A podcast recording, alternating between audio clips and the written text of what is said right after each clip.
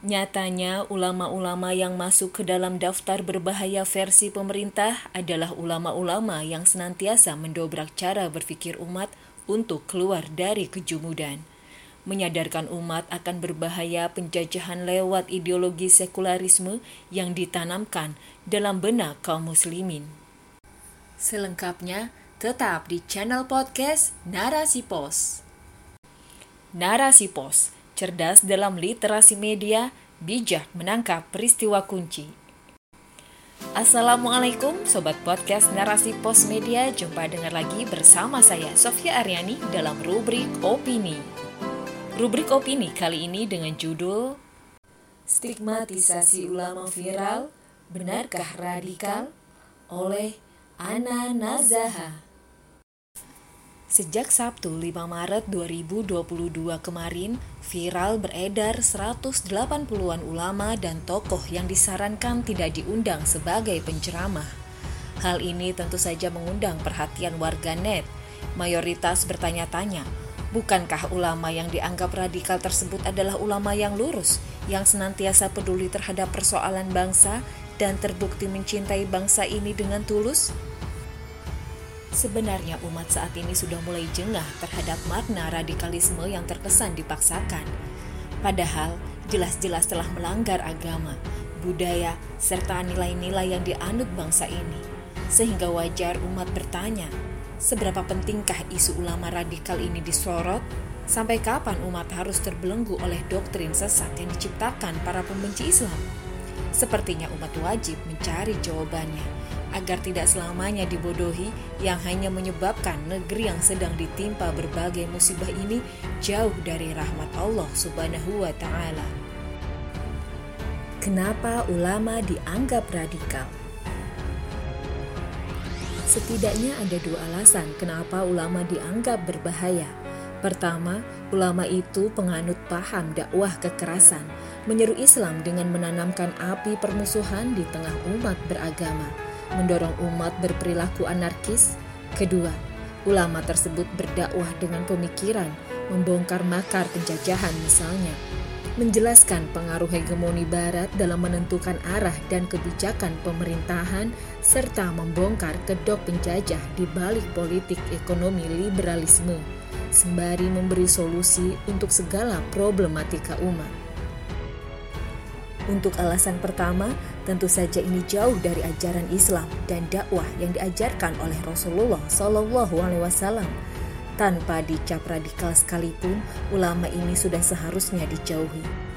Sedang yang kedua, ulama ini berbahaya khususnya bagi pengusung ide penjajahan, khususnya bagi negara kufar yang hidup sebagai inang di sebuah bangsa yang berlimpah hasil kekayaan alamnya.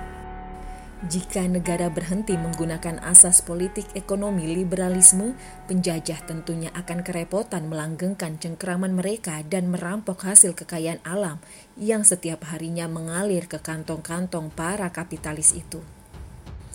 Nyatanya, ulama-ulama yang masuk ke dalam daftar berbahaya versi pemerintah adalah ulama-ulama yang senantiasa mendobrak cara berpikir umat untuk keluar dari kejumudan menyadarkan umat akan bahaya penjajahan lewat ideologi sekularisme yang ditanamkan dalam benak kaum muslimin, mengarahkan umat untuk bersungguh-sungguh berkontemplasi demi perbaikan negeri, agar umat bisa meraih kebangkitannya yang hakiki, sehingga kedudukan umat Islam kembali dihormati. Ya, kiprah ulama seperti ini memang ditakuti oleh musuh-musuh Islam Walau bagaimanapun kehadiran ulama-ulama ini akan mengancam eksistensi ideologi yang mereka propagandakan di negeri-negeri kaum muslimin. Kaum kufar akan melakukan segala cara untuk menjauhkan ulama Hanif dengan umat, salah satunya dengan memberi stigma radikal, berbahaya, dan mengancam. Mimpi buruk musuh-musuh Allah Sebenarnya upaya untuk mencitra burukan ulama dan pengembang dakwah Islam bukan kali ini saja terjadi. Jauh pada masa awal Islam turun pun, ide ini sudah pernah dipraktikkan oleh kaum kafir Quraisy. Saat mereka mengetahui bahwa dakwah Rasulullah mulai diterima di hati umat, kafir Quraisy itu gelisah. Mereka mencoba menghalangi orang-orang yang ingin mendengar seruan dakwah Rasul dengan menuduh Rasulullah tukang sihir yang berbahaya. Hal yang sama pun terjadi hari ini.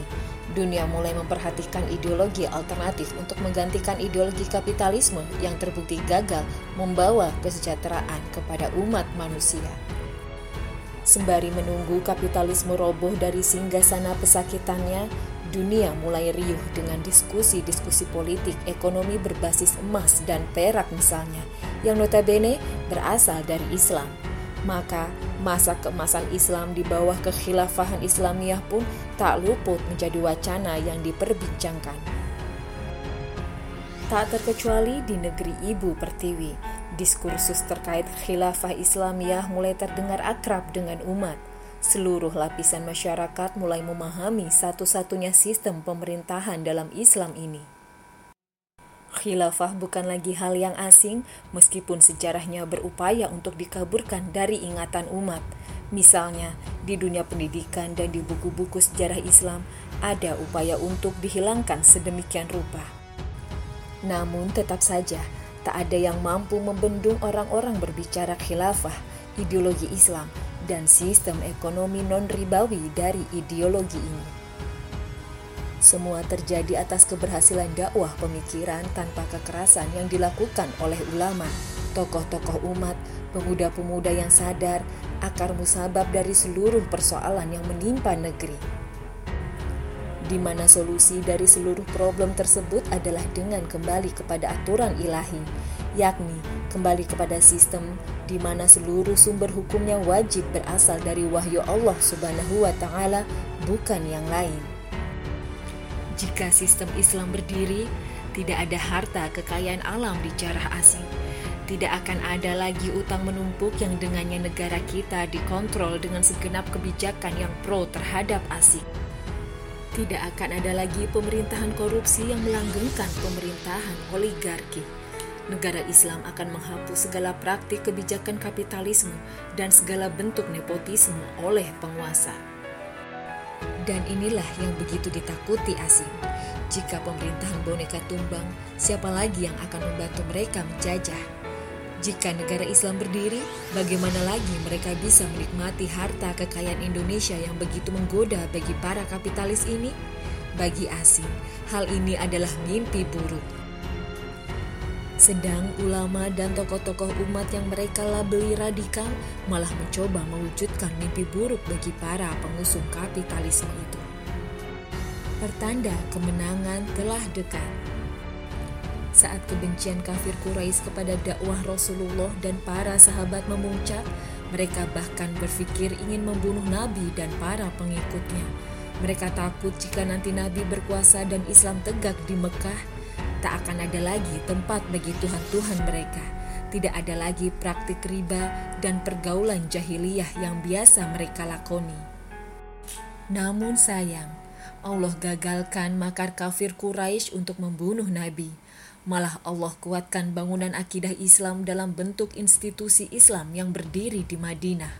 Berbondong-bondong manusia memeluk Islam dan menerima ajaran Rasulullah Shallallahu Alaihi Wasallam masyarakat Islam akhirnya bisa hidup dalam sistem yang mulia, dalam daulah Islam yang perkasa. Demikian pula saat ini, dakwah Islam dianggap gangguan justru karena kaum kufar menyadari posisi ideologinya yang tengah terancam. Mereka harus melakukan sesuatu untuk mempertahankan ideologi rusak mereka agar tetap bertahan. Karenanya, mereka mencoba menyulut api kebencian dan permusuhan umat terhadap Islam dan ulama yang mengemban Islam. Pada akhirnya, upaya kaum kufar ini akan menjadi sia-sia berkat adanya ulama dan orang-orang yang tak menyerah dalam melanjutkan perjuangan memahamkan umat terkait Islam kafah. Pada akhirnya, semakin hari umat semakin sadar bahwa besarnya kebencian orang-orang kafir kepada Islam kerasnya api permusuhan yang mereka hembuskan. Itu menandakan kemenangan Islam semakin dekat. Kaum muslim percaya tak sulit bagi Allah untuk memenangkan agama ini. Jika telah tiba waktunya kebenaran menang, maka kebatilan akan lenyap tanpa bekas. Sebagaimana firman Allah Subhanahu wa taala yang artinya dan, dan katakanlah kebenaran telah datang dan yang batil telah lenyap. Sungguh yang batil itu pasti lejam. Quran Surat Al-Isra ayat 81 Wallahu a'lam bisawab